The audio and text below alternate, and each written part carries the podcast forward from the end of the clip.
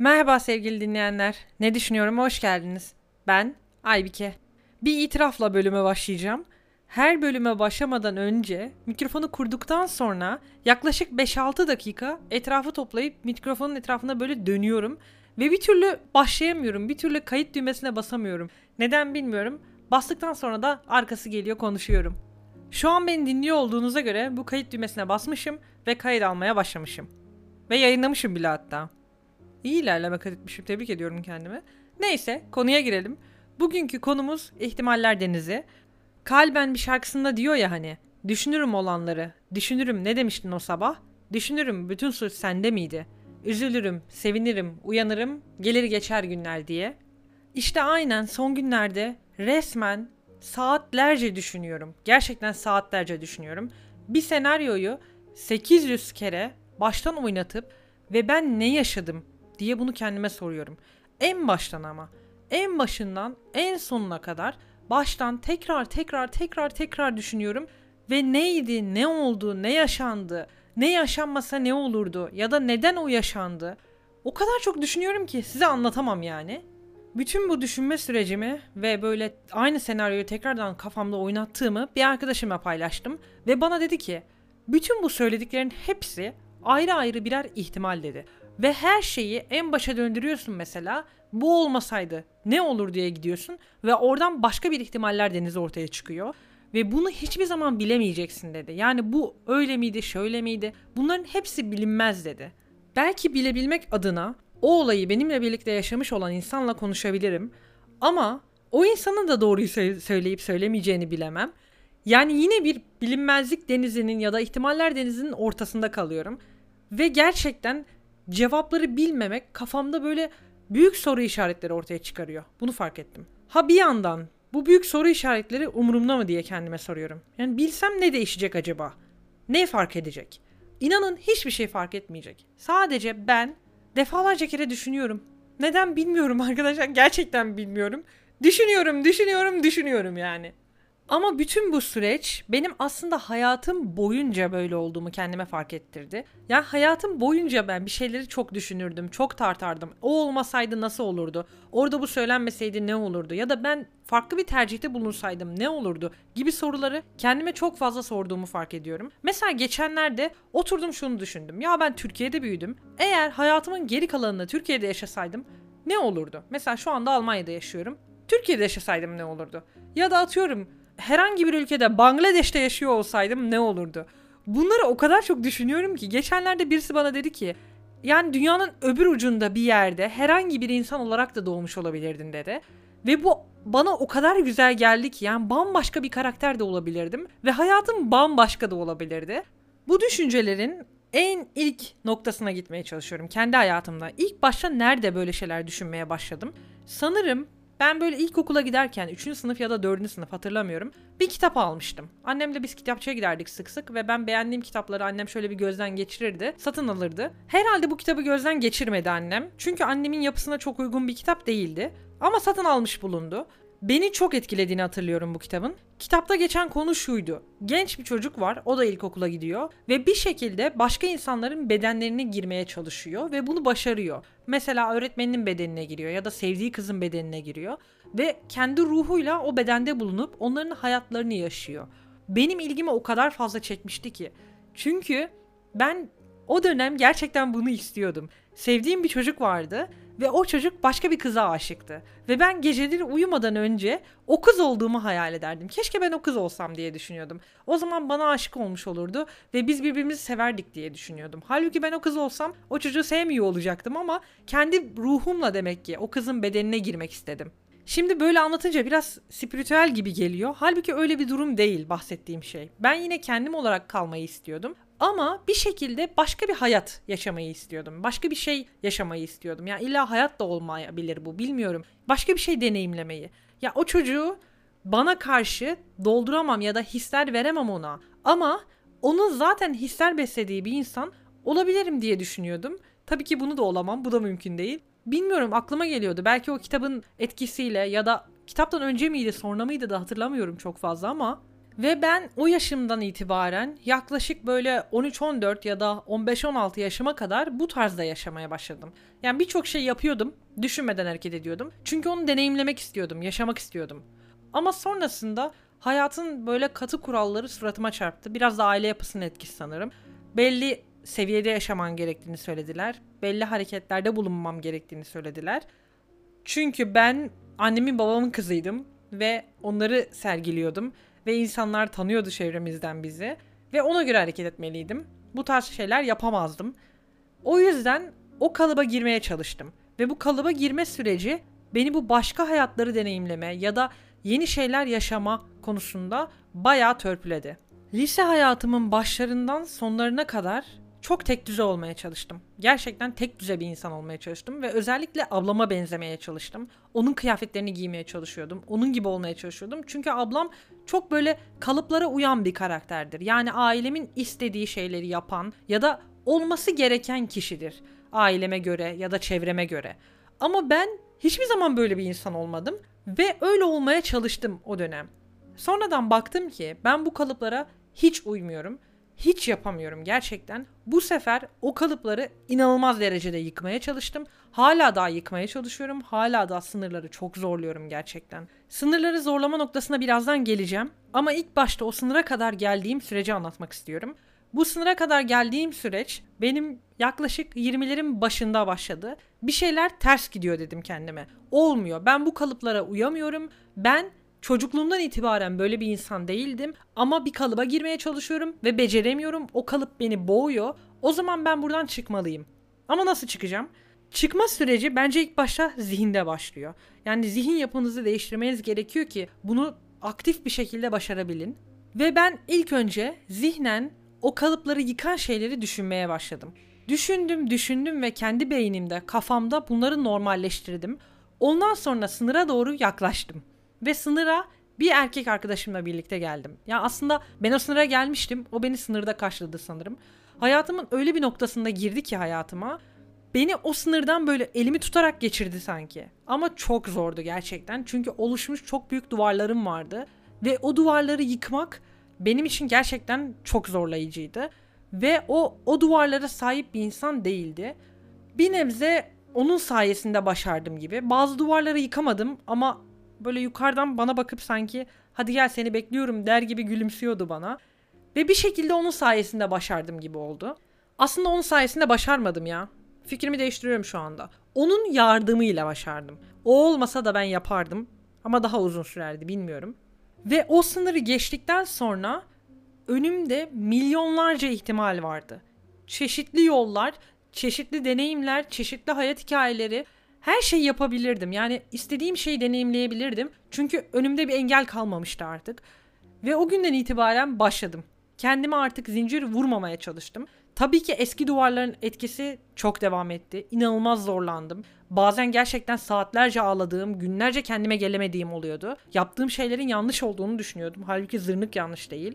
Ama insan düşünüyor işte ister istemez. Çünkü öyle büyüyorsunuz. Toplum kuralları, aile gelenekleri, aile düşünce yapısı hepsinin etkisi oluyor.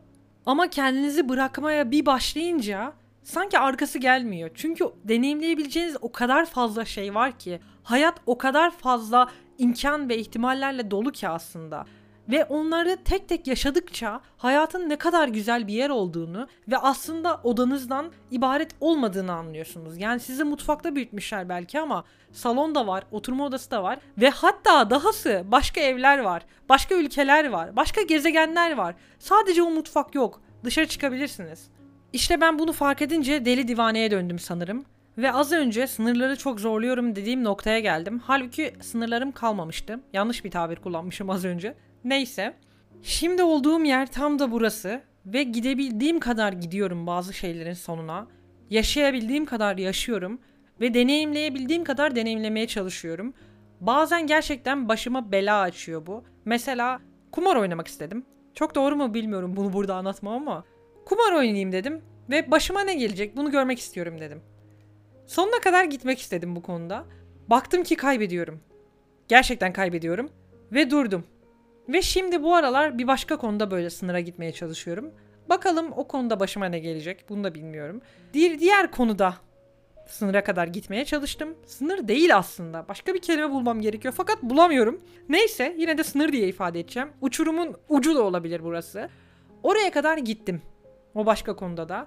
Ve aslında bence uçurumun ucundan aşağı düşmeme gerek yoktu.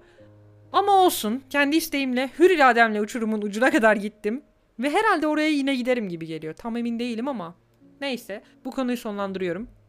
Az önce dedim ya hani bir sürü ihtimal var diye. Ve benim son zamanlarda düşündüğüm konuda kendime o ihtimalleri tekrardan tekrardan oynattığımı söyledim size zaten. Ve o oynattığım ihtimallerde kendime diyorum ki şöyle yapmasaydın ne olurdu? Böyle yapmasaydın ne olurdu? Ve bu şöyle böyle diye söylediğim şeyleri kendime böyle sanki kızarak söylediğimi fark ettim. Yapmamalıydın çünkü bir başka şey daha güzel olabilirdi diye kendime söylüyorum. Ama o yaptığım şeyden aslında çok da fazla pişman değilim. Bunu da fark ettim. Çünkü o şartlar altında ve o kişiliğim, o karakterim, o andaki duygu durumum onu gerektirmiş ve onu yapmışım. Yine de beynim durmuyor sanki. Gerçekten durmuyor yani. Ne olurdu? Ne yapabilirdim? Ne söylenebilirdi? Neden böyle oldu? O kadar çok böyle kafamda dönüyor ki ve cevap bulamıyorum. Cevap bulamamak en garibi. Geçen gün arkadaşımla konuşurken dedim ki keşke Allah olsaydım. Allah olsaydım da bunların cevabını bilseydim dedim. o da bana gülüyor. Şimdi size bir başka hikaye anlatacağım. Benim çocukken sevdiğim dediğim kişiyim. Ben uzun bir süre sevmiştim aslında. Böyle hayatımın belli aralıklarında o kişiyi sevip durdum sürekli. Ama o bilmiyordu benim onu sevdiğimi. Ve bunun bilmesini istiyordum ben. Hani bilsin en azından ben söylemiş olayım. En azından bilmiyorum ki belki aklında bir şey vardır onun da. Bir adım atılmış olsun. O bir adım atmıyor falan diye düşünüyordum. Ve bir gün gerçekten canıma tak etti artık. Ve gittim. Kapısına gittim. Bir akşam vakti kapısına gittim. Ve dedim ki böyle böyle ben uzun bir müddet seni sevdim dedim. Sadece o ihtimali merak ediyordum. Ne yaşanacak diye. Ve sanırım ben böylelikle bu defteri kapattım. Eğer söylemeseydim gerçekten içimde kalırdı. Ve o ihtimalin var olacağını düşünürdüm hep. Yani yaşanabilir diye düşünürdüm. Ama yaşanmayacakmış. Şu an üzüldüm. Gerçekten üzüldüm. Çok ilginç. Hiçbir, hiçbir duygu beslemiyorum. Ama sanki o anki kişiliğime döndüm ve böyle hafif bir üzüntü yaşadım. Anlık küçük halbuki oldum sanırım.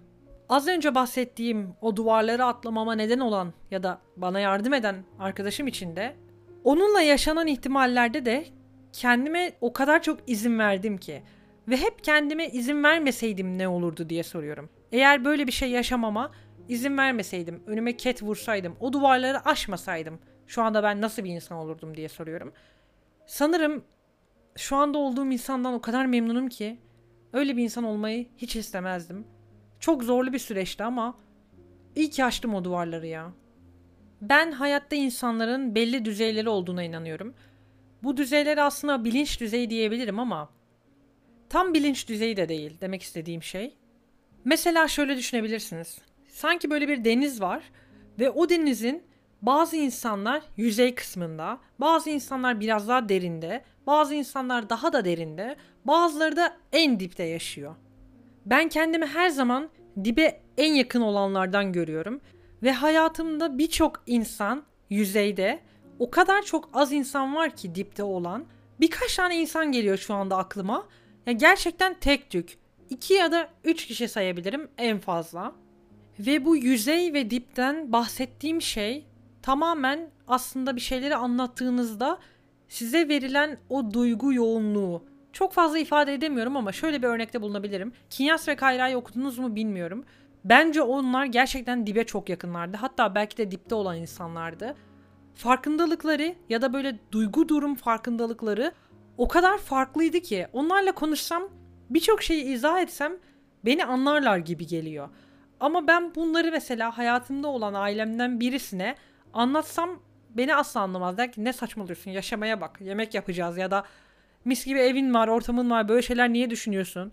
İşte bazı insanlar sadece yaşarlar bazıları da düşünür ve yaşarlar bazıları çok düşünür ve yaşarlar bazıları düşünerek hayatını kendine azap ederler aynı zamanda da yaşamaya devam ederler. Ben en sonuncu kategoriye dahil olduğumu düşünüyorum. Bunu iddia etmiyorum. Belki benden daha derin insanlar vardır ama ben gerçekten kendimin derin olduğuna inanıyorum. Peki diyorum bu süreç nasıl başladı? Nasıl oldu? Kendi çocukluğumu düşünmeye başlıyorum. Bir önceki bölümde demiştim ya, ellerime bakardım mesela ve derdim ki bu eller büyüyecek ve yakında büyük bir kadına ait olacak. Ben artık çocuk olmayacağım. Bence bunu bir çocuğun düşünmesi gerçekten garip. Eğer bana bir çocuk böyle bir şey söylese şimdi suratına baka kalırım. Derim ki yani çocuğum bu yaşta bu ne derinlik. Ve ben çocukluğumdan itibaren çok fazla okuyordum. Bilmiyorum roman okumanın getirisi de olabilir. Yani aslında saçma bir bakış açısı ama bilmiyorum belki bir etkisi vardır diye düşünüyorum. O kadar çok okurdum ki böyle farklı şeyleri okumak, farklı insanların hayatına girmek çok hoşuma gidiyordu. Size komik bir anımı anlatayım. Biz böyle 3. sınıftayken falan okul kütüphanemiz vardı ve öğretmenimiz sürekli oradan bize kitaplar verirdi. Ben de oradan bir gün kitap almışım. Evde okuyacağım ama o kadar heyecanlı gidiyor ki kitap bırakmak istemiyorum ve tuvalete gitmem lazım. Gerçekten çok sıkışmışım. Neyse dedim tuvalette okuyayım. Kitabı yanıma aldım. Tuvalete oturdum. Tabi dalmışım ben orada kitaba. Unutmuşum aradan dakikalar geçmiş. Ve eve de usta gelecekmiş. Tuvaleti tamir etmeye herhalde. Adam çat diye tuvalete daldı. Ben de 7-8 yaşlarındayım. Adam içeri girdi. Benim kitap okuduğumu gördü. Bana dedi ki neden tuvalette kitap okuyorsun? Bu sahneyi hiç unutamıyorum. Adam tuvalete giriyor ve beni görüyor diyor ki neden tuvalette kitap okuyorsun? Ya manyak mısın be adam çıksana yani çık oradan. Ne bakıyorsun çocuğa? Bir kere de 5. sınıfta mıyım 6. sınıfta mıyım ne? Kitap okuyorum yine. Annem sürekli bana sesleniyor aşağıdan. Ve ben hiç duymuyorum. Dalmışım gitmişim kitaba. Annem yukarı bir geldi. Kitabı elimden aldı. Dışarıda yağmur yağıyordu. Dışarı bir fırlattı kitabı. Ve ben o kitabı bir daha bulamadım. Çünkü eridi büyük ihtimalle yağmurda. Sonrasında babam mı ne almış çöpe atmış herhalde. Çok sinirlenmişti artık yeter kitap okumayacaksın diye bir süre yasak getirmişti bana. Bilmiyorum bunun etkisi ne kadardır ama farklı şeyleri okudukça yani farklı hayatları okudukça insan herhalde o farklı hayatlara daha rahat girip çıkıyor. Kendi kendime analiz yapmanın çok da mantıklı olmadığını fark ettim şu anda. O yüzden bu analize son veriyorum ve size okuduğum bir kitaptan bir bölüm okumak istiyorum. Kitap son zamanlarda çok ünlü olduğu için okudum. Aslında ben bu tarz bestsellerları okumayı çok sevmem. Ama kitap gerçekten çok hoşuma gitti. Kitabın ismi Gece Yarısı Kütüphanesi. Başlıyorum. Yaşayamadığımız hayatların yasını tutmak kolay. Başka yeteneklerimizi geliştirmiş, bazı teklifleri kabul etmiş olmayı dilemek kolay. Daha çok çalışmış, sevmeyi daha iyi becermiş, paramızı daha iyi idare etmiş, daha popüler biri olmuş, o gruptan ayrılmamış, Avustralya'ya gitmiş, kahve teklifini reddetmemiş ve daha çok yoga yapmış olmayı dilemek çok kolay. Edinemediğimiz arkadaşlıklara, yapamadığımız işlere, evlenmediğimiz insanlara, yapmadığımız çocuklara özlem duymak an meselesi. Kendimizi başkalarının gözünden görmek ve olmamızı istedikleri binbir kişiye dönüşmüş olmayı dilemek için en ufak bir çaba gerekmiyor. Pişmanlık duymak ve sonsuza zamanımız doluncaya kadar duymaya devam etmek çok kolay. Ama esas sorun yaşayamadığımız için pişmanlık duyduğumuz hayatlar değil. Sorun pişmanlığın kendisi.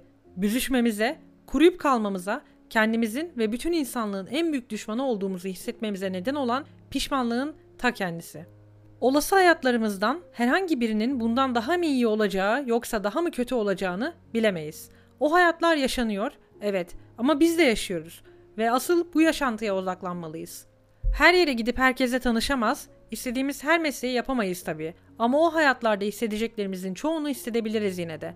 Kazanmanın nasıl bir his olduğunu anlamak için bütün sporları yapmamız gerekmiyor. Müziği anlamak için gelmiş geçmiş bütün müzik eserlerini dinlememiz gerekmiyor. Şaraptan zevk alabilmek için dünyadaki bütün bağların üzümleriyle yapılmış bütün şarapları tatmamız gerekmiyor. Sevgi ve gülmek, korku ve acı bu hayattaki en geçer akçeler. Gözlerimizi kapayıp önümüzdeki içeceğin tadını çıkarmak ve çalan müziği dinlemek yeterli. Şu anda olası bütün hayatlarda yaşadığımız kadar eksiksiz ve tam bir hayat yaşıyoruz. Aynı türden duyguları burada da deneyimleyebiliriz. Olmamız gereken tek bir kişi var. Hissetmemiz gereken tek bir varoluş var. Her şey olabilmek için her şeyi yapmamız gerekmiyor. Çünkü zaten sonsuzuz. Yaşadığımız her an sonsuz olası geleceğe gebe. Onun için bu hayattaki insanlara iyi davranalım. Arada bir başımızı kaldırıp yukarı bakalım. Çünkü nerede olursak olalım gökyüzü her daim sonsuz. İmkansız olanlar ancak yaşayarak gerçekleşiyor sanırım. Acı, umutsuzluk, hüzün, hayal kırıklıkları, zorluklar, yalnızlık, depresyon hayatımdan bir anda mucize eseri çıkacaklar mı? Hayır. Peki yaşamayı istiyor muyum? Evet. Binlerce kez evet. Bu satırlar beni çok etkilemişti. Çünkü ben zaman zaman annemin karşısına geçip derim ki Neden bana şunu yapmadınız? Neden bana bunu yapmadınız? Neden ben profesyonel olarak bir müzik aleti çalamıyorum? Neden benim başka bir ana dilim yok? Neden bana bunu yapmadınız? Tarzı sorular o kadar fazla soruyorum ki. Ve bunları oturup düşünüyorum gerçekten. Mesela ben profesyonel bir müzisyen olsaydım nasıl bir hayatım olurdu? Ya da bir başka dili ana dilim gibi konuşsaydım nasıl bir hayatım olurdu? Bunu bir başka bölümde anlatmıştım hatırlarsanız. Geçmişinizi değiştirmek ister misiniz isimli bölümde. Ve anladığınız üzere kafamda binlerce soru işareti var. Cevaplanmamış çok fazla sorum var. Ama bunları da boşluğa bırakıyorum. Çünkü cevaplarını hiçbir zaman elde edemeyeceğim maalesef. Umarım ahiret vardır. İnanmıyorum ben buna ama umarım vardır diyorum. Artık ahiret midir yoksa bir şeyleri daha yukarıdan göreceğimiz, kuş bakışa bakacağımız bir ortam mıdır bilmiyorum ama orası umarım vardır da ben bir şeyleri öğrenebilirim.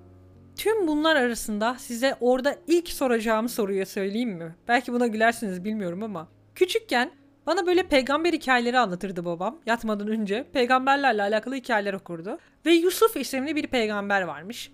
Ve o peygamber çok yakışıklıymış. Bunu anlatırdı. Ve ben küçükken o peygamberi o kadar çok merak ederdim ki, görmeyi o kadar çok isterdim ki. Hep işimden derdim ki bir gün ölünce Allah'a diyeceğim ki Yusuf peygamber nerede? Çünkü o çok yakışıklıymış ve görmek istiyorum. İşte bu bilinmezlik ve ihtimaller denizinde en merak ettiğim soru o Yusuf peygamberin suratı. Geri kalansa gerçekten büyük bir ihtimaller, yaşanmışlıklar ya da yaşanabilecekler denizi. Ve ben soru işaretlerimle bugün karma karışık halde bu ses kaydını tamamlıyorum, son veriyorum.